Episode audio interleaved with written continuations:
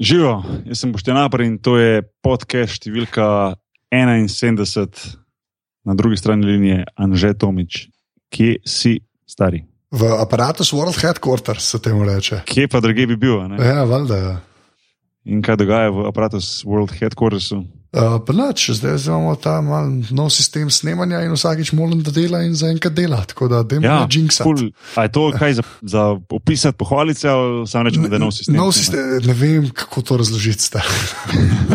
Vam boš delal. Lažje. dela- Lažje, lažje, lažje, lažje, definitivno je lažje. Ja, Ja. Tako da, ja, ja, to je. Jaz uh, veliko, veliko preveč, ampak mislim, da se splača truda uh, vložim v to.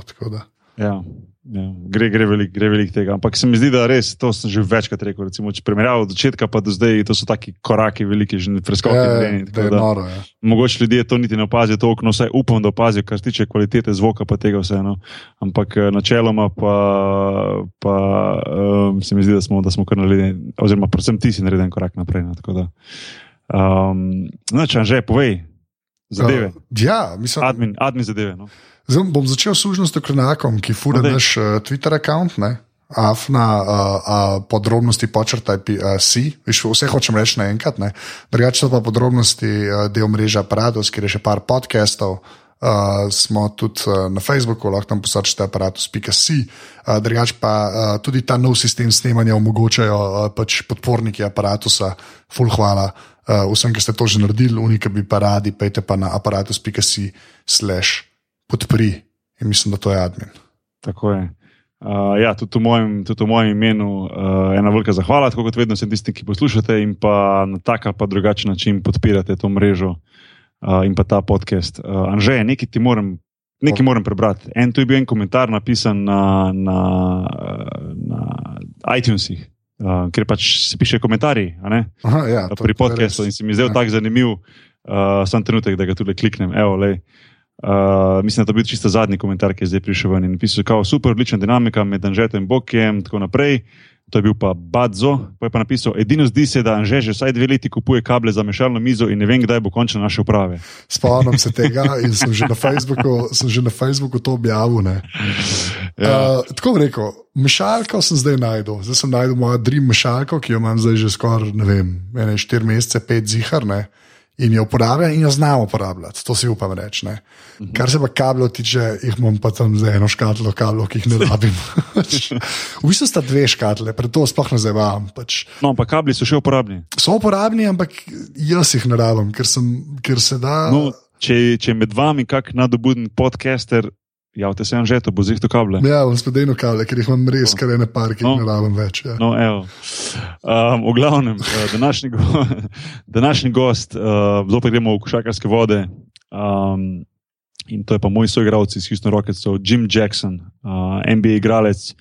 Um, mogoče tiste malo starejše, starejši, predvsem mislim tu ti, ti, ki ste mogoče okoli mojega letnika, pa starejši, ki ste gledali košarko v 90-ih, pa, pa tudi tam 2000 do 2005, se boste spomnili Jim Jacksona, ki je igralec, ki je 14 sezon igral v, v Ligi NBA, vse od Dallas Mavericksov, Netsov, pa tako naprej, Blazersov z mano v, v Houston Rocketsov, mogoče se ga boste spomnili, Sacramento Kingsov, ker je igral takrat z Vladom Divcem in pa s Pedžo. Uh, eden mojih najljubših soigralcev, mogoče ni največja zvezda, s katerim sem kdajkoli igral, je pa eden soigralcev, je, od katerega sem se veliko naučil. Um, predvsem seveda, igrati proti njemu na treningu, um, ker je igral na moji poziciji, ampak tudi spremljati njega, kot recimo takrat že, ko sem jaz bil v Ameriki, on bil nekak veteran. In uh, se učiti od njega je bilo za mene uh, izjemno pomembno. Uh, tako da z Jimom sem bila vsa ta leta nekako skozi v tem nekem majhnem kontaktu tu in tam, da sem se pozdravila prek neta, pa to, ampak zdaj smo se končno našli skupaj, smo rekli, da imamo ta podcast narediti. Glede na to, da Jim zdaj dela tudi uh, za, za televizijsko mrežo Fox Sports 1, se pravi, tudi on je, ve, kaj so kabli, že. S takimi ljudmi se je vedno potem lažje povezati, ki bolj razumejo celo to sceno. In um, smo se odločili z njim, da naredimo en pogovor na temo košarke, seveda. Um, tako da upam, da bo, da bo lepo, da bo uspešno, z- ne uspešno, da bo prijetno za poslušati. Uh, An- smo še kaj vse pozabljeni že. Ne, mislim, da je to to. Pa pa pritisni tam čarobni gumb, pa štarti zadevo.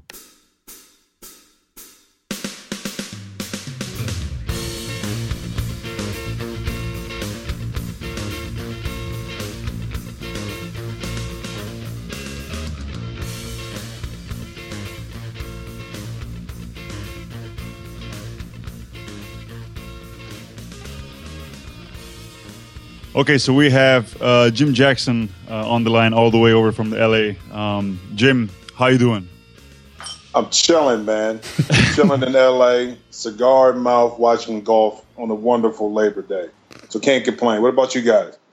uh, yeah, we're, uh, we're we're not we're not smoking cigars and watching golf, but let's say that we're chilling also. So. okay. Yeah, we. Hey, hey, hey, good. Well, Boke, I got to get over there, man. I love Spain, so I got to come see you and hang out, man. Maybe before your season starts. That would be that would be awesome. I mean, did you did you visit Spain before, or you never been over here? No, I've been to Barcelona and Madrid, man, and had a pause a couple years ago. Went over in September, actually, and I love mm-hmm. history. Saw all the Gaudi Museum stuff and the architecture. I was just walking around the city, man. Yeah, loving it and enjoying it. Yeah, Spain, Spain is Spain is beautiful, and uh, yes. it's, it's, it's there's a lot of American tourists here, not just American, but you know people from all over the place. Also here in Seville, in the side of south of Spain, uh, but all, also you know Spain is, uh, as, as, you know, also very uh, good, is great basketball country. You know the Spanish national team is uh, is probably one of, I mean not probably, it is one of the best in the world, probably right behind the the U.S. national team uh, for many years now. Uh, the Spanish league is tough. It's, it's good. It's competitive. A lot of uh, NBA guys come from Spanish league or to go through Spanish league to get to the NBA. So, mm-hmm. Uh, you know, it's definitely a lot of things to do if you would decide to come over here. Not just not just to sightsee, but also see some good basketball, which I'm sure you would enjoy. You know. Are you, you uh, gonna take me to see the Barber of Seville, man? You go, you gonna take me to see that? no problem, man. Whatever. We'll, we'll we'll find we'll find anything. We'll we'll figure it out. Um, right but but anyways, it's so so good to talk to you. I don't even know when was the last time, Jim, that I talked to you. It's probably been been years now. Um, you know, it's it's been uh, 2008 was the last time I uh, I played in the NBA, and uh, after that season, 2008, I decided to come back to to Europe. Um, I'm not I'm not completely sure which was your last last season. I think 2006 with the Lakers was the last time you yeah. played. Right? Yeah, yeah, that's that's the last time I I played I played against you, um, but we were also teammates. So um, that's obviously how we know each other. And uh, you know, playing for the Rockets was at least for me an incredible experience. Um, you know, having you on the team among other guys, but especially you playing on my my position and learning from you was was was an incredible opportunity for me. And I um I always been thankful for it. Um, the funny thing is that we also got traded at the same time. I know from the Rockets. I didn't go. exactly, exactly. I got traded to the Hornets, and then you uh you ended up in Phoenix which was which was awesome. Uh, playing, you know, you playing for Mike D'Antoni and that uh, up up tempo up tempo style of, of basketball. Yeah. Um. So so that was good to see. So that's just a little bit of history of how we know each other and how we uh, how we met and how we went separate ways. But uh, uh Jim, please please talk to me. Like, how did you how did you get in, into basketball? I always like to ask our guests how did they get into basketball? Like, did you grow up in an environment where basketball is very popular, or was that something that you were seeking? Is that something that you were looking for, or it just came to you naturally? You know, Boki, I think it's we're probably similar. Well, in my in my neighborhood, growing up, we we played everything. You know, back in the day, you played baseball, football, um, basketball. You ran a little track. You you did a lot of different activities because everything was based outside. So we played in the park a lot. We played in the alleys. We played in people's backyards. So basketball was always around, even when I went to community centers.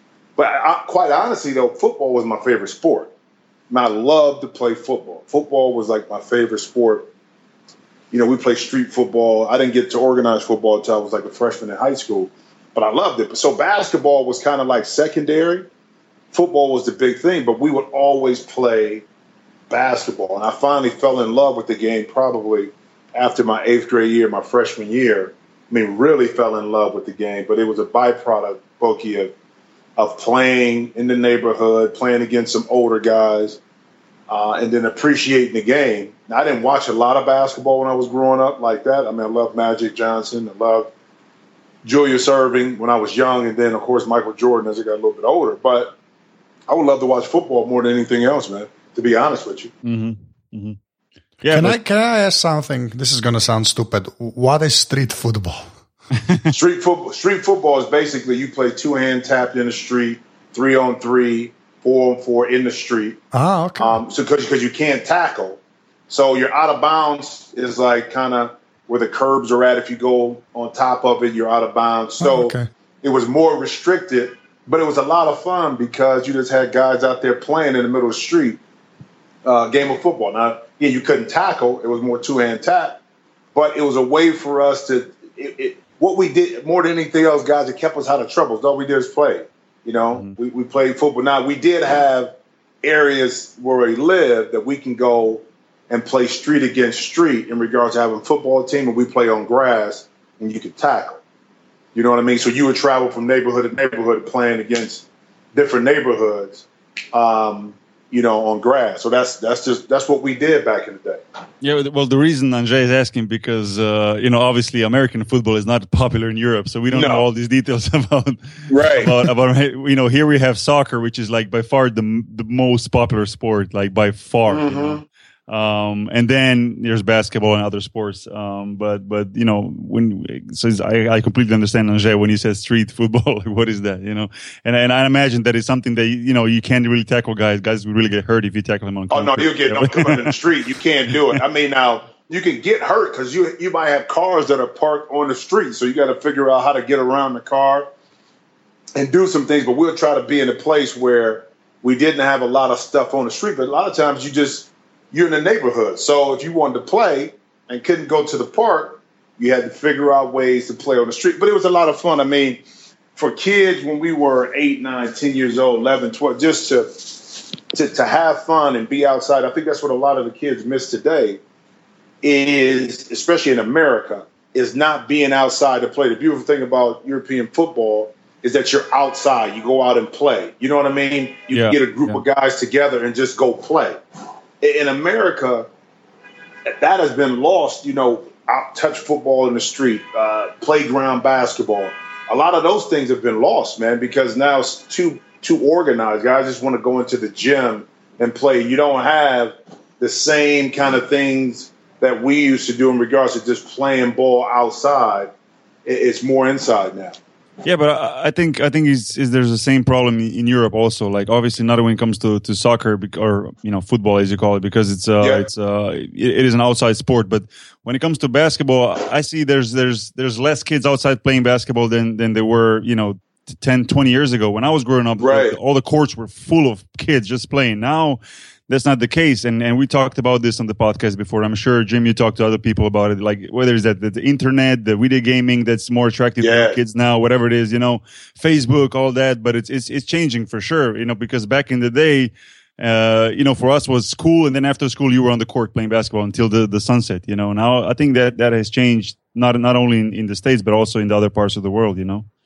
Well, um, that's that's crazy. That's crazy to hear too. And I think the problem too, Bulky, is that a lot of these kids, as you know, they're probably more worldly and more intelligent just because they see more, get more, they download more information at a mm-hmm. younger age. You know what I mean? They're exposed to a lot more. But what you don't have is their social skills suffer. You know what I mean? Because mm-hmm. they're not having face to face conversations. They're not interacting, you know, outside in big groups like we used to. You know, exactly. and, exactly. You, and you you lose, I think, a, a, certain part of the communication aspect of these these kids when they get in these social environments. They're not as comfortable because they're not used to interacting, you know, with each other on a, in the big groups or doing stuff like this on a daily basis because they're either you know texting somebody or emailing somebody or or yep. liking a post or on online instead of a face to face. Let me look you in the eye, see your body language, laugh you're not missing that. So it, it's a, it's a catch twenty two. Technology has opened up the door for a lot of things, but it's closed it in some aspect in regards to, I think, the kids' communication um, aspect of it.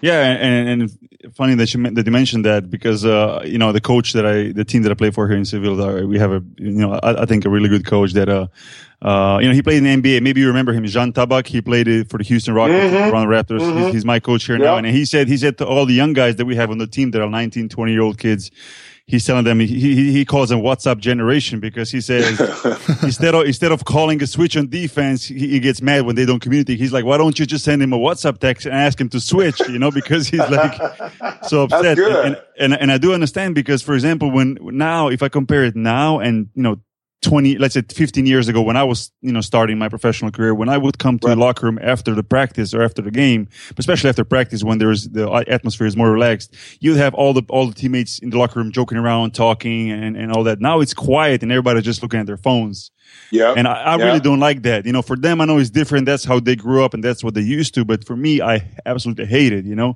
So sometimes I come into the locker room, I see all these, all these kids on their phones. I'm like, glad you, glad to see you guys communicating. You know, I'm like kind of get mad a little bit at them because it's, it's, it's it is so different. Um, Jim, um, so after, after high school, um, you know, obviously college career was, was, was big for you playing for Ohio State, you know, Buckeyes, a well-known college. Um, so, so that's where your, your, let's say your career, not professional career yet, but your career really like lifted off. Like uh, you know, you always had a great, great uh, college career and, and got drafted real high. Um, how how important was to pick the right college, to go to the right college, play for the Buckeyes, and, and have a great college career? Bulky, it was, you know, and back then you didn't have a lot of guys coming out of high school. Shawn Kemp did it um, before me. He was a year ahead of me. He did it. So you didn't have a lot of guys, you know, coming out of college going right to the pro. You I play mean, coming out years, of high right? school. You play all I played years. three. I, I played. I played three years, and most of the time, most guys stayed at least two. You know what I mean? It, it wasn't like a lot of freshmen came out.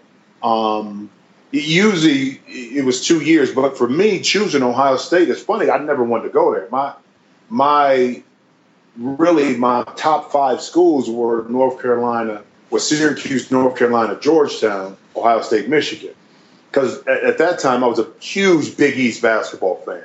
You know, John Thompson, the Hoyas, and Derrick Coleman, and Pearl Wall, all these people in the Big East, and Patrick Ewing. I, I just St. John's. I love the Big East, but a, a good friend of mine said, "Jim, you can go to those schools all you want, but the alumni base, being from Ohio, the legacy would be there, especially if you become successful." And then at that time, Gary Williams, who went on to coach at Maryland, won a national championship, he was a coach at Ohio State. So he was changing the dynamics of Ohio State basketball, was getting more excited. You know, he was going to get big recruits. And I said, well, heck, I can be a part of something special um, and, and grow the program. And that's what happened. That's why I ultimately chose to go to Ohio State, which probably, honestly, Bo, was probably the best decision I ever made because we won a lot. We put Ohio State basketball back on the map. Uh, I was from Ohio, and it's a legacy that a lot of people go back to during that time period. That was a great kind of resurgence for Ohio State, and I was fortunate to be a part of that. Mhm. And and you have your jersey retired, right? At the yeah, I, fig- I figured they had. They, I figured they had to cover up some stuff up there in the up, up, up top, so they put my jersey up there to cover up stuff. That's why it's up there. But no, I got it retired, um, and that's because I had some great teammates, man. I mean, Yeah, yeah. great coaching staff. They allowed me to play the game the way I needed to play it. And If it wasn't for them, and again, you know, it's very easy. Book, you've been around it. You know, guys could be Yeah. jealous, guys could Yeah. be envious, but you know, we didn't have that, and that's why that's why we're very close. A lot of my teammates, uh, we're very, very close today because we supported each other. You know, you know, guys are going to have their stuff, but at the end of the day, we all supported each other. Yeah, and uh, you know, I, I never played college basketball, but all the people, you know, all the players that I know that did, whether they were American, European, they all have in- incredible uh, memories of, of playing college basketball. Mhm. It's, a, it's a unique Mhm. experience, you know, being a young, young kid it's, and, it's and playing. unique, both because Yeah, yeah, you're yeah. young, you're trying to figure it out. You you know, uh, you're being exposed to, to to different kind of cultures on camp, college campus. A lot of us may come from a smaller city. Um, you get to compete at a high level, but more importantly, you grow, you mature, and, and sometimes you know guys who don't experience college for a number of years. Um, you lose that. They're always, you know, there's special guys like Kobe and Garnett and Yeah. you know, LeBron James, those guys that come out and just, you know, Yeah, but there's also been there's also been examples where the kids did come out early and they didn't work out for them, and if- if they went to college, it probably would work out much better for them, right? Oh yeah, yeah, but you know, they they chose a path that for them they thought at the time was was uh, you know perfect. But here's the thing: a, a lot of it too, Boke, is not how you're going to fit in basketball wise. You know this by being around by seeing young players. Is how do you fit in mentally? You know, when things are not going well, when things are tough, because you haven't really been through that before. Now you're on a professional level, and you haven't gone through it in college, kind of the ups and downs, the disappointments you know, the growth and maturity. Now you're learning on the fly as a young player. And a lot of those guys, to be honest with you, couldn't handle it.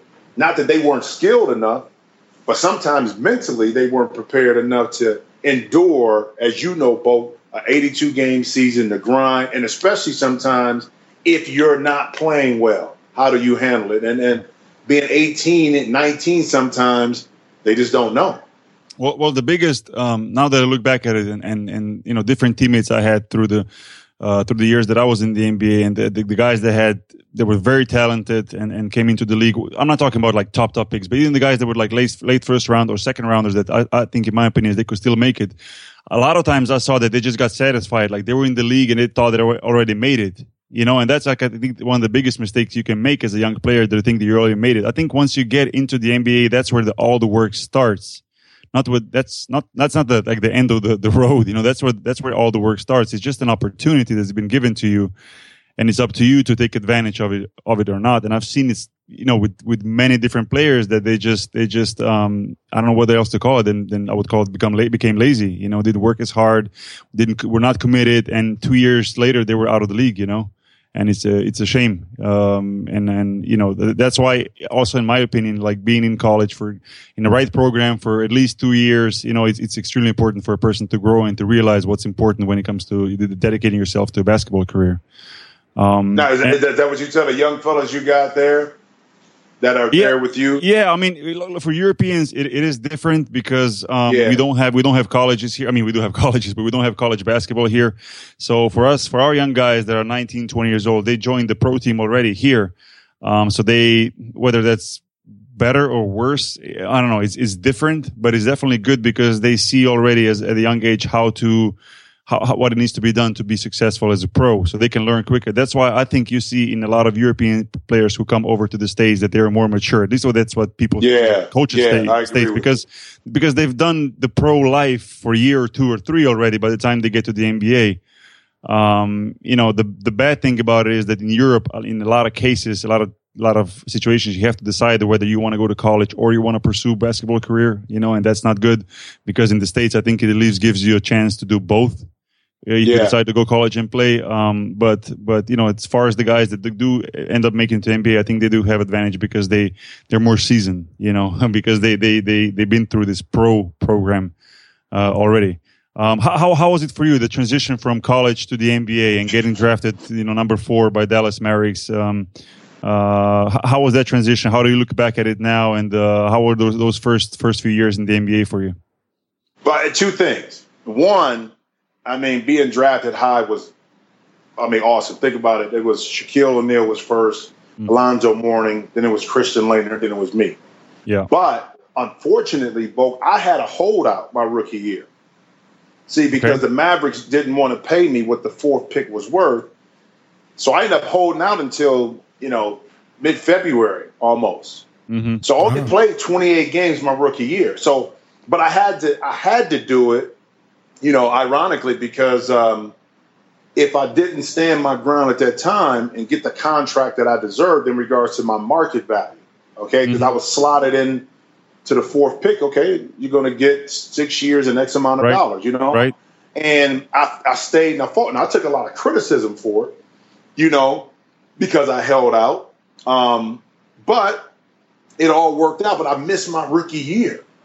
Okay, basically, I missed my rookie year. Now, at that time, Bo, I'm gonna be honest with you, the Mavericks we were terrible. I mean, when I got in finally um, in February, the Mavericks only had won four games at that point. Oh wow! Okay. Okay. Yeah, you're talking about. I mean, and it was rough, and then we ended up winning 11 games. We, you know, I, w- I was seven to 21, the 28 games I was there. Then the following year, Jamal came in and we only won 13 games that year. So the first two years, you know, you're excited, you're ready to go, you're in the league. Now I'm playing against, you know, back then you think about who was all playing the teams that were great and some of the top 50 players, Dominique, you're playing against uh, Michael, Scotty, all the Seattle teams, the guys from Portland, Drexler. You're playing against Barkley in, in Phoenix. You're playing yeah. against you know, the Indiana teams with Reggie Miller and Rick Smits. I mean, you just playing against some of the Patrick Ewing and Elijah. I mean, it's crazy. We just weren't talented. So it was tough. You talking about a young player, players trying to figure it out, and you only winning maybe a game or two a month. And that's hard. That's tough. You know, tough, yeah. so I've been through, you know, the holdout, the losing. You know what I mean? It was hard at the beginning And the hardest thing to do, Volk, is not to develop bad habits because you're losing. It's so easy to kind of say, I'm gonna go for mine and we're losing. But that's when the discipline gotta come in and you gotta you gotta you, you, you gotta have some veterans that can help you through it. Unfortunately, uh, I was able to have a few that guided me through that tough process. But it was tough at the beginning, man. Yeah, for sure. No, that that that did, that had to be tough. You know, I uh, uh, I can only imagine. You know, once I got traded from Houston to um, to New Orleans, that the year the New Orleans was really bad too. None, yeah, and, and, I kind of and I kind of kind of know like, it was good for me personally because I played a lot and I was able to like establish myself finally. But but as far as like winning and, and all that, it was terrible. Not until the next year when we got Chris Paul and things got better. But um, but but it is interesting to that you, you were mentioning all these names before, from Michael Jordan to Charles Barkley. Like the '90s, for me now that I look back at it, were like by far the best like the best basketball era. Like if i if i look at, at, at, all the different eras you know I, I i grew up in the 90s i mean i was a teenager in the 90s that's when i started following right. nba basketball.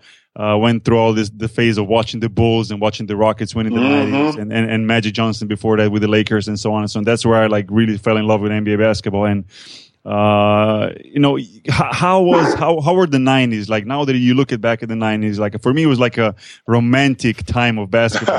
you know, yeah. like I really, I like yeah, that. I really, I really do, I really do think, think, think when I look back at it, I, I, really that's the word that comes up to me, come up, comes up. And uh, how was it playing back then? Like especially compared to the NBA now, you know, because now the NBA is so global and people from all over the world, world follow it and they can see yeah. it live on their computers, uh, you know, phones, whatever. Uh, back then it was different. And, and how did you, uh, how did you, uh, how, how, was the whole experience like playing the, in the NBA in the 90s? It was a different time, you know? Oh no, but it was it was a totally different game. And now keep in mind, you had bad teams back then too. Okay, it's not like every team was just like dominant or playing well, but you just had it was a different kind of game because it was more physical the three point line wasn't as prevalent. You didn't park behind it. You weren't shooting, you know, 53s a game. It was built around post players, two guards, um, the ability to get the ball in the paint and play tough defense. Okay. But the difference too, Bulky, is that you had what I consider grown men. When I came in the league, I, I, probably the average age was 28, 29, maybe somewhere in there. So you were playing against established veterans as a rookie. Okay, not now you're playing against guys that if you're 19, well, you're playing against most of your stars are 21, 22, 23 years old. You know what I mean? The bulk of the league. Mm-hmm. And so the game was different. The coaching style was different. The physical nature of the game was totally different. Hey, if you were a guard and you ran through the lane and you wanted to go set a pick on Patrick Ewing, right? Across mm-hmm. street, uh, he was taught to put an elbow right in your chest, you know, or right in your neck. Now, if yeah. you do that, it's a flagrant foul. But yeah, you know, yeah, th- at that time, it was different, and the mentality of the players were a lot different from a professional perspective on how to play the game and how to do things. And plus, they think about it, both we didn't have social media back then either. Right. You know, which which which is which is huge because to be honest with you, a lot of stuff we did if we did it with social media, woo, we might have had some good stories out there. Yeah, but it was yeah, just, yeah. it was a different time, a different era. Um, and I look back at it as I, I, it was a pleasure for me to play in that time. But I'm gonna say this: the game had to change in some aspect. So I'm not one of those guys who, oh, it, you know, the '90s was so much better and you needed to stay like this. No, the game had to evolve a little bit more to be more acceptable internationally. So I think they did a really good job of doing that. Uh, it's just two different eras of basketball. You know what I mean? Yeah, no, I do, and and that, that was kind of like my next question. Question, but you answered it in, in part already. Like because I thought you're gonna be just just like you said, like one of those retired players who are like dissatisfied with the with the game being too soft nowadays and being so much quote unquote better in the 90s, you know, and tougher and all that. But I completely agree with you. Like the game had to evolve and game is going to keep evolving because that's just the natural course of like the game getting better, faster, uh, whatever. And, and, like you said, like, you know, even more appealing to like international audience, maybe, you know, and, right. uh, and uh, is is definitely that your perspective is like maybe different than a lot of other retired players who I you know whether see on online or see on TV or whatever where they keep saying how much tougher the game was in the 90s how it's better that it should be like that again that now every touch foul is a, you know, a small contact is called a foul and so on and so on. But, but, but, but, but Jim, if you would have to change some rules um, in, in today's today's NBA, would there be something that you would like to change, or do you like the game as it is now? Well, I mean, some of the touch foul rules, you know, the impeding of the progress is a little bit tougher to control and manage, just because of um, guys, you know, want to be able to play tough defense, but a lot of times you can't because if you touch someone 20 feet away, 25 feet away, with the hand check rule at times or the impeding progress, you're not able to play defense. So you get penalized, I think, a lot of times against some of the better players because you can't play defense in a certain way. Um, I, I, like the adjustments in regards to. Um, I love the speed and pace of the game, um, and, I, and it, it, puts a tough onus on a lot of officials who kind of want to let players play, but they know they're getting graded too. Um, if yeah. I had to change anything, um, it would be that. Um, maybe also, you know, you talk about you know the Hack-a-Shaq rule and stuff like that, and what they're going on. They're going to change that as well. Yeah, yeah. I, I, I, do think it's a great strategy. You know, hey, it's his fault if he can't make free throws. At the same time, it slows down the pace of the game. So that's going to be interesting to see what happens with that because more coaches employ that. But but really, it's only for a small segment of the NBA. It's like three or four players that you're really going to do that to. But it impacts the game. But I mean, I like I like where the game is going in regards to it's up tempo. Um, fans really enjoy it. Players love to play that way. Think about it, Bogut. We played, we played. A, I played a little bit like that in Phoenix. I played like that in Sacramento. And it's a different kind of game. It, yeah. It's a lot, you know, more conducive to getting out and run. Now you don't have centers. You know, most of your guys are smaller, so uh, you don't have post up play anymore, which I think will come back around. But I, I, I, I think the game has to evolve, and uh, Adam Silver and the rest of the league are doing a really good job of, uh, uh, of, of utilizing a lot of the athleticism and talent that's out there with these young players. Yeah, I, agree, hundred percent. And uh, you mentioned the Phoenix Suns, but especially Sacramento Kings, which you know, for a lot of uh, you know European fans like myself, fans of basketball, especially in that era, like growing up, where, where the Kings were like a European team, especially because yeah. of Vlade and, and Peja, you know. Yeah. So we all followed the Kings, right, Anže? Like it was like our favorite team. Uh, and you were on, Hedo, that, you were on, Hedo. yeah. Hedo, Hedo exactly. Hedo, exactly. Like you were on that team uh, for a year. How fun was it to play that kind of style of basketball? I mean, you know, looking at it now, like the way it was, like passing the ball, a lot of cuts, you know, having all shooters around, Divac being kind of like a point center, you know. Yep. Uh, yep. You know, whether it was J- Jason Williams and then later on Mike Bibby, both point guards did a good job there. Um, you know, how, how fun was it to play in that kind of system and, and, and, and what did you, what did you, what did you get from it? Like, how did you enjoy that? Well, you, you think about it, our team was kind of like the Golden State Warriors, except we were bigger because of Vlade and Chris. I mean, Draymond Green was basically like Chris Webber. Chris was just bigger you know, a guy that can shoot, can pass, can handle the ball. Draymond's a better defensive player because he can guard more positions. But you think about our team with Mike Bibby, Jackson, Hedo, Bobby Jackson, Hedo, Turkoglu. You talking about Peja Stojakovic, Doug Christie, guys that can shoot, that can pass, that can handle. So we played that up tempo style. Plus, you have Vlade, who was just a straight clown. He's a comedian. He's a. I love Vlade to death but he, his ability to pass the basketball from the high post, you know what I mean, to yeah. see the defense and score inside, it was it, it, To be honest with you, the game was fun, but you know, more importantly, Boki, it, I fell back in love with the game of basketball because I had great teammates. Scott Pollard was on the team, Damon Jones, Mateen Cleaves. You know, we had Keon Clark. We had some great guys. We we hung. You know this it's hard for eight or nine people from the same team to hang out, right? Yes. At, yeah. at one time. But yes. that's what we did. We we hung out together. We would go to that's, you know Oakland that, Raider games together.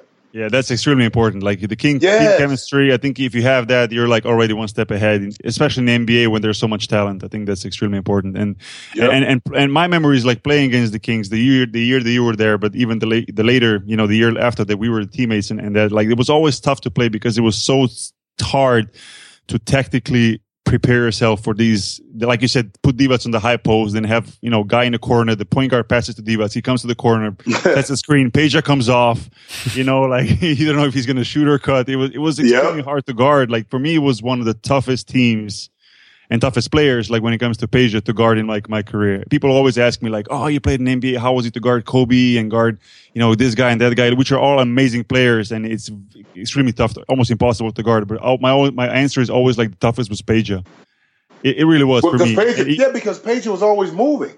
Always moving. Yeah. Yeah. You could you could never sleep with a guy like Peja, and plus people didn't realize how big Peja was. Yeah, I mean, because exactly. he had kind of like sh- a short torso, but he was still six eight, six nine, and he weighed about two forty.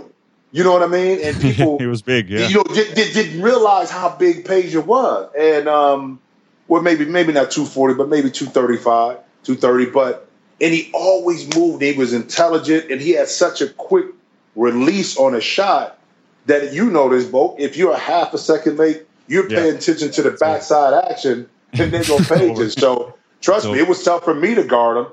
Um, but I had the pleasure of guarding them in practice at times, and then you know, of course, in the game. But I hated guarding guys like him, guarding guys like Reggie Reggie Miller, uh, uh, Dell Curry, um, guys that were all uh, Ray Allen, guys that were always moving. Were to me always the tougher guys to guard. Yeah, yeah, I, I agree, and uh, you know, we, we, we, we, we just mentioned, like we just said how, how important it is to have a, you know, good team, team chemistry. But, um, you know, from your experience, like you play for a lot of NBA teams and been on, yep. on successful teams, winning teams and, and losing teams. And, and now that you look back, like which for you are the most important things inside the, the team, like inside the locker room, inside the team, like as far as, okay, you said team chemistry, but also like all mm-hmm. the other mm-hmm. factors, like what has to be, you know what what like if you would be a GM or if you'd be a coach, if you'd be a guy running the team, like what would be the things that you would be looking for to try to put into a team to say we need these things in order to become a successful winning team? A couple of different things. One, you have to have great management. I mean, it's a reason why San Antonio is always in the mix. They may not win it every year, but the dynamics of that management and how that organization works the consistency. You know, Tim Duncan, since he came in in '97, every year in the playoffs. Come on, man. I mean, it starts. It starts from up top. And, you know, in Boki, we saw this when we were in Houston. We didn't have the best chemistry. Mm-hmm. Not that we weren't the, you know, as talented yeah, yeah, as anybody yeah, out there, but we. I, I don't think, from a management perspective, had that. Okay, and I love Jeff to death because Jeff, to me, was one of the best coaches I played for. Yeah, me too. Me so, too. so, so, so that's important. Also, too, you got to have the right kind of leaders on the team, and everybody. And sometimes your best player is not your best leader, you know. And you got to have somebody that's going to be able to have the voice of the team that people respect. That's just not going to talk about it, but that's going to do it. And if you have that, you're able to follow that person. And again, everybody, you got to have people that understand how to play their roles. You know what I mean? Everybody yeah. can't be the scorer. Everybody can't be the leading scorer. Everybody can't shoot all the time. If you have a team that understands, like Golden State, what made Golden State so tough was that, especially in their second unit, was guys didn't come in trying to be Steph. They knew who Steph was. They knew who Clay is. Everybody played their position and played their role, and that's why they were so tough to beat. You know, they didn't go outside of that. So if you can combine that with guys that are willing to work their butts off, play their position, you have good chemistry, and you have outstanding management, now you got a chance to be competitive every year. That doesn't guarantee that you're going to get to a championship and win it, but a damn sure guarantee you got a chance to get there and be competitive. Yeah, and I, I wrote down one thing you said. The, the thing you said, your best player can be your best leader. I think that's that's an awesome quote. Uh, I never yeah you never, he, he, I, you know, I never put it together like that, and that's something that I'll definitely remember. I think it's an awesome quote. Uh, well, you, you, you think about it. I, I, mean, you know, you played on a couple of teams. Sometimes your best player is not the guy that you need to be the voice because they may be the most talented player, but mm-hmm. they may not do all the little things that's necessary to win. LeBron James, come on, bro. You know he's he's the best player, but he demands so much of himself and he holds himself accountable. So his teammates are able to hold him hold him accountable. But he's going to give he's going to be a prime example of what you need to do as a leader, and that's why you go to a Miami and you turn it around, even though Dwayne was there. That's why you come back to Cleveland and you're able to go to back to back finals and you win it because right. of that person. And it's not too many. Kobe, as great as Kobe was, was he actually your best leader? I think more it was probably Derek Fisher at the time. Mm-hmm. You know what I mean on on the Laker team. Yeah. Yeah, but I think I think as a as a as a superstar, as a superstar level player, like you also have to be unselfish enough to kind of give way to a guy that might be a better leader. You know? Yeah, yeah. Uh, you know, I think that's what Kobe did too with uh, Derek Fisher. Mm-hmm. Yeah, yeah, that's that's that's that's very interesting. And and like we said, like you you played on on a lot of different teams and a lot of with a lot of different players for a lot of different coaches. Coaches, coaches. Jim, if you have to choose, what was your favorite team? your favorite coach and your favorite teammate throughout your career? Would you, would, wow. is that a, is that a tough question? Probably. No, no, no. It, you know, I played with so many great players, though. Well, I mean, from from a young J kid, Jamal Mashburn, to an Allen Iverson, to a Kobe Bryant, to a Steve Nash. You know what I mean? To Dikembe Mutombo, to Alonzo Mourning. I played with some of the best players that are going to be in the Hall of Fame eventually. Um, Tracy McGrady was a great mm-hmm. player. You know what I mean? It's just all of them were different. Kobe was a straight assassin. Um, Allen Iverson, no matter what, hurt, tired, never stopped playing. You know what I mean? Would never miss a game. So it's kind of he, he might have missed practice. Practice. Well, you know what though? it, it's funny though. When I was there, he never missed practice like that. Really? He, I mean, you know what I mean? He no. Yeah. He, he you know what I'm saying? So and Steve Nash had his own way. I love Steve to death because of one, the personality, just a great guy. And just he had me amazed at times just watching him play. And I'm on the court with him. I'm like, oh shit, I got to get my shit together. Steve is out here. You know what I mean? So yeah, yeah. that's a hard question for me to answer because I've had so many great teammates. But team wise, probably a split between Sacramento and Phoenix because those teams were very similar in the way we played and the teammates I had. And coaching wise, I would have to say Pat Riley and I'd say it from this perspective, he held everybody accountable. You know how it is, both. You got a coach and you got players, and they're afraid to say some things to people, oh, yeah. hold them accountable. And, yeah. and Pat Riley ain't like that. I mean, he will go at Alonzo just like he, he would go at the 15th man on the team. Mm-hmm. He expects you to be professional. You come play defense, you come do your job, then you'll be cool. If you don't, we're going to have a problem. And he you know, expressed that. He he hated to lose.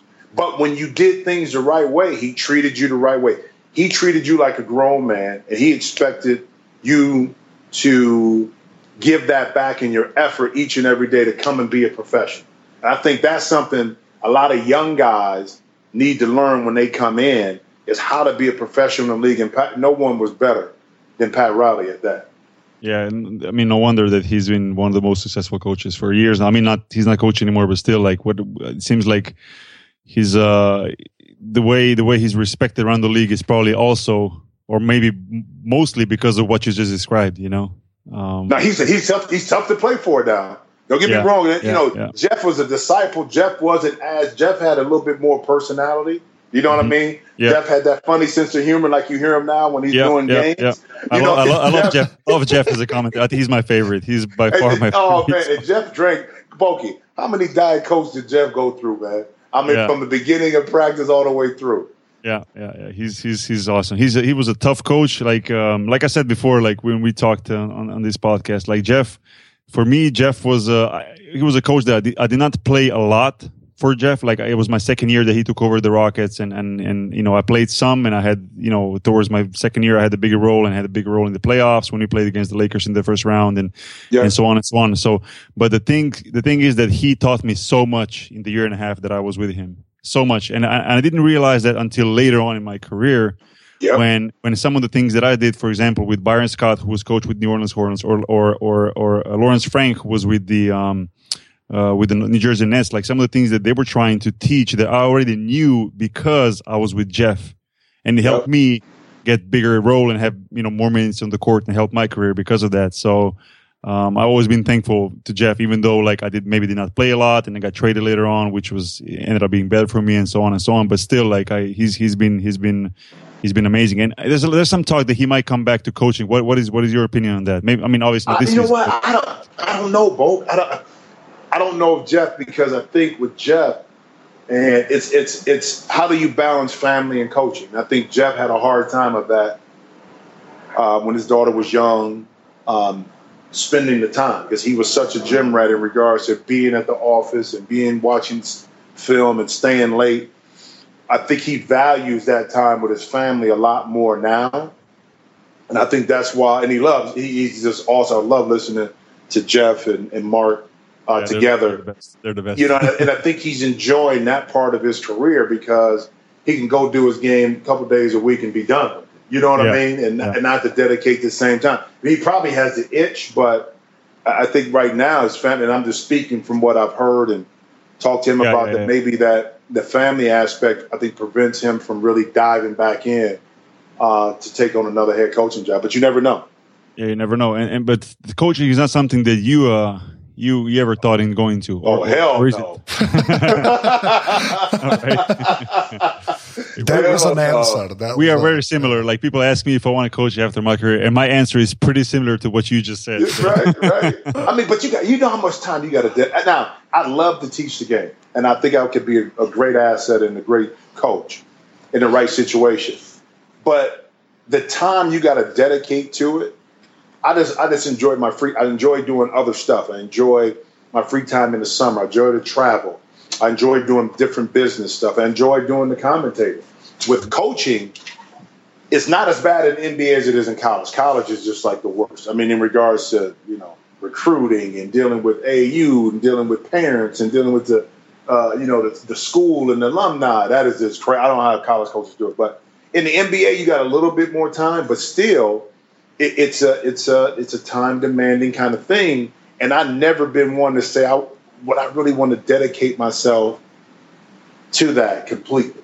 You know what I mean? Yeah, but doing doing TV was probably it's probably been fun, right? Like uh, oh, it's been awesome, man. You, you, you mostly do if you mostly do college basketball, correct? Or only yeah, college basketball, right? I, oh, I do college live. I'll, I'll cover our NBA covers with Fox, no okay. in studio. Yeah, because we don't actually have games on our big network. Right. Um, but you know, watching it gives you a good balance.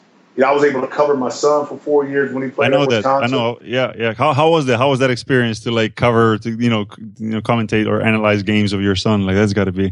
And, and well, it was crazy. it was crazy because when he was a sophomore, once he began to start, they took me off of his game. They wouldn't let me cover. So I, I could only talk about it really in studio, which was okay. You know what I mean? I would love to have done at least one of my game, son's games when he was really starting and playing. But to watch him grow for four years, to be there for the two Final Fours in the national championship game, to cover all of that, it, it was. I mean, you couldn't have scripted it even any better because I retired. He started his freshman year in high school. I started working for the Big Ten Network. He went to Wisconsin, which is in the Big Ten, so I got to cover. So that was, I mean, it, in itself, well worth it. You know what I mean? It was a lot yeah. of fun to yeah. watch him play and grow. I can I can only imagine. And uh, you know, since you're mentioning your son, like for, for the end, I want to ask you. You know, I'm sure there's going to be a lot of basketball players, uh, you know, basketball fans and basketball players, probably young basketball players, listening to this conversation. Like, how what, what would be your advice for like a young basketball player, like guy trying to make it, whether it's make it in Europe, whether it's make it to the NBA? You know what are the most important things that young players should should keep in mind when they when they when it comes to deciding that they want to dedicate their their young life to to the game of basketball? Well depending on where you're at in the stage if you're still in high school you got to understand how to play the game. Be as versatile as possible. Not just athletic not just a shooter. Today's game is about versatility being able to do a lot of different things. And your value on a team is not solely based on if you can put the ball in the basket I think a lot of guys get caught up into that. Now, guys that are trying to transition from college and get into the NBA, my thing is the dream and goal is the NBA, right? Everybody wants to get there, but you know, it's only 400 some odd jobs, okay? It's different ways to get there. Maybe your path is not in the draft. Maybe it's not in the D League. You know it, maybe it may be overseas for a year. Then you come back, hone your game you can't be dismayed by not getting drafted early on, but you can't also put all your eggs in one basket and saying, well, the D League is the way, or I got to try to get a uh, free agent look. If I don't have it, it's ways you can get into the NBA and pursue your dream. Or if not, you can still have a great career like you're having right now, Boki, playing for a number of years professionally overseas. You got for Americans to go overseas and play think about how that opens you up from a perspective of enlightenment in regards to living in a different country, I mean, growing as a man, not, a, let, alone playing in a really good league and making money. So there's more than one way to skin the cat. You know, it, it maybe the NBA is not there, but that doesn't mean you can't pursue your dream professionally. But what I would say is one, you you have to understand the dynamics of the game and that it's a numbers game. And if you can understand that and understand what your value is, I see a lot of guys go play in the summer league and all they want to do is score. They don't understand that a lot of these teams got scores already.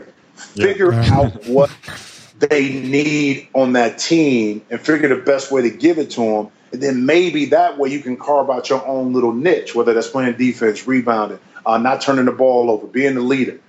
Maybe that's your way to get in. Because once you get in, now maybe you can start to look at other aspects of how you can benefit. But you got to figure out what that team needs from or what they're missing and how to give it to them. Yeah, and, and, I was I was in uh, Vegas this summer for the NBPA Leadership Development Program, which is like a program uh, where um, you know the NBPA is is uh, is offering uh, you know ex NBA players a chance to talk to GMs, uh, you know team GMs, GMs, coaches, um, scouts, uh, presidents of the team, so on, to like teach you about the front office work. Yeah, I, I, was I always knew like NBA is detailed and they have a lot of scouts and they do a lot of reports on players. But we're talking to these people, I had no idea how much into detail they go about every single player, about you know, uh, you know what they do, how they work out, where they're from, like how dedicated they are, and not just for college players, but for players all over the world. Right. So so, like you said, like even if it means that you might be somewhere in, in, in some European country playing basketball right now and being 16, 17, 18 year old kid, you know, it, it's, it, it's, it, it's worth dedicating your, the hard work to it and, and putting it all because you never know when you can get noticed with NBA having so much, so many people all around the world. It's like a network right now. Like every single yep. gym seems to be covered by some NBA team or some NBA scout is there. So it's, it's rarely happens that some player is really overlooked that's, that has talent to make it in NBA. Um, Jim, I, I, really can't thank you enough for your for your time. This was like an awesome, awesome conversation. Like I'm so happy we got to like uh, we got back in touch after many years and uh, uh, had a chance to talk to you. Um, you know, I, I, honestly I wish I did more of that when we were teammates. the time the time flew by so fast. The, the the the time that we were playing together, but uh, um, anytime you do decide to come over to Europe, like you have my contact, so please reach out. I'll, I'll be more than happy to take take, take you around and, and show you show you different places. Um, really, thanks so much for your time. Hey, listen, Bo, it's, it's been a pleasure, brother. Our time was short in Houston, but it was fun. Uh, I'm so proud of you that you've been able to extend your basketball playing career, and you're you're enjoying it. You're having a good time. You know what I mean? A lot of yeah, people can be yeah. frustrated from not playing in the NBA, but you've never been like that anyway. Even when you weren't playing, you had a real positive attitude. That's why you've been able to play, and you're gonna have much more success on the back end. I, I know you're passionate um, uh, to work with kids and do stuff over there, so that's gonna work for you, bro. I'll be following you. And later on in the season, let's get back together and talk some. For sure, for sure, for sure. Yeah. We'll, we'll be we'll be in touch. We should do that. All right, uh, brother. Yeah, thanks, thanks so much. We'll be in touch, Jim. Thank you. Yep. Bye. All right, all right. Take care. Bye bye. Ok, to je bil pogovor z Jim Jacksonom. Jaz upam, da ste tudi vi uživali v tem pogovoru, kot sem jaz, uh, Anže. Tebi tudi bil verjetno zanimiv kot nadobuden, ne nadobuden, kot fan košarke 90-ih. Ja, mislim pa model, model full dobro govori. Ja, pač, dosti, dosti govorim, do, dosti, dosti ja. govorim, ampak, ampak dosti je povedal. Veš, to je tudi res, to je res, to je razlika. Ali sam govoriš, ali tudi kaj poveš. Tako, bom, kašna poeta sva, to je noro. Ja, čist poeta. Ja. Ampak res, uh, res moram reči, tako brze bancije. No. Uh, ful, ful, ful mi je prijeten, da sem se z Jimom uspel tudi povezati. Prek podcast, da je bil ta tool, s katerim sem se z njim povezal. Ja. Skozi nekaj kontaktov, enkrat na leto mesič, pa sem nekaj videl televizijo, pa na netu, ki je pa hej, good job na televiziji, pa on men, uh, kako si pa tako. Ampak končno se s človekom pogovarjati, pa mislim, da več kot desetih letih, pa zimo nekje desetih letih je pa tudi ful prijetno. In, uh, Me veseli, da se tip ni spremenil, no, da še, še vedno deluje isti, kot je bil. In, uh, ja. uh, to, to je ena tako lepa stran podcasta, ne, da se povežeš s starimi prijatelji. Da, uh, upam, da ste tudi poslušalci o tem poslušali. Uh, Anže, admin, za na konec. Uh, ja, ta podcast je del mreže aparatov, kjer najdete še par podcastov. Uh, v bistvu Pet jih je še zraven, ne vem več, prvi spovedan. Uh, imamo tudi, uh, ja, imamo tudi uh, Twitter račun, uh, spravo, afna podrobnosti, počrtaj si, smo tudi na Facebooku, nas tam polajkite, pa v iTunesih uh, dajte kakšno oceno. Uh, sicer se pa da mrežo aparatus tudi podpreti. Uh, brez tega se tega res ne več šli, tako da uh, pejte na aparatus.si slash potri, pa, pa podpri, pa tam poklikite, ker res full prav pride. Uh, tako da to je bil admin. Ja, res. Tudi moje ime, najbolj hvala vsem, ki poslušate in podpirate ta podcast in mrežo aparatus. Um, ki nas najde folk, uh, tako rekel Jim Jackson in na, na Twitterju, njega lahko najdete pod ad Jim Jackson 419, dajte mu malo zatežiti iz Slovenije, Ja, oziroma po slovensko zatežiti. uh, ja drugač pa kje si pa ti na internetu? Bok je nahbar na Instagramu, pa na Twitterju, na Snapchatu me malo zmanjkuje. Ne vem, nekot, ne, bom, bom se prav potrudil, da še kaj snapnem. Ja, jaz sem pa tudi uh, dobil isti username posod, tako da sem Anzet na ja, Twitterju, ja. Instagramu in Snapchatu. Ja, posod sem. Anzet. Tako, okay, sem lepo. kar ponosen na to. No. Tako, da, ja. Super, super. Je neč, no, uh, until next time bomo rekli. Ne? Ja. Smo že angliško vodili re, reč srečno, zdaj moraš srečno govoriti. stari. A je to moja poleg? To je zdaj tvoj, ti, to je tvoj, to je, to je tvoj v bistvu tako catchphrase. Okay. Ti na koncu rečeš srečno. ok, pa, pa bom čak malo zelo počakal. Ok, zdaj bom pa rekel. Srečno. Ne, jaz ne vem, zakaj je to tako zabavno, ampak mi je, okay. čau. Ajde, ajde.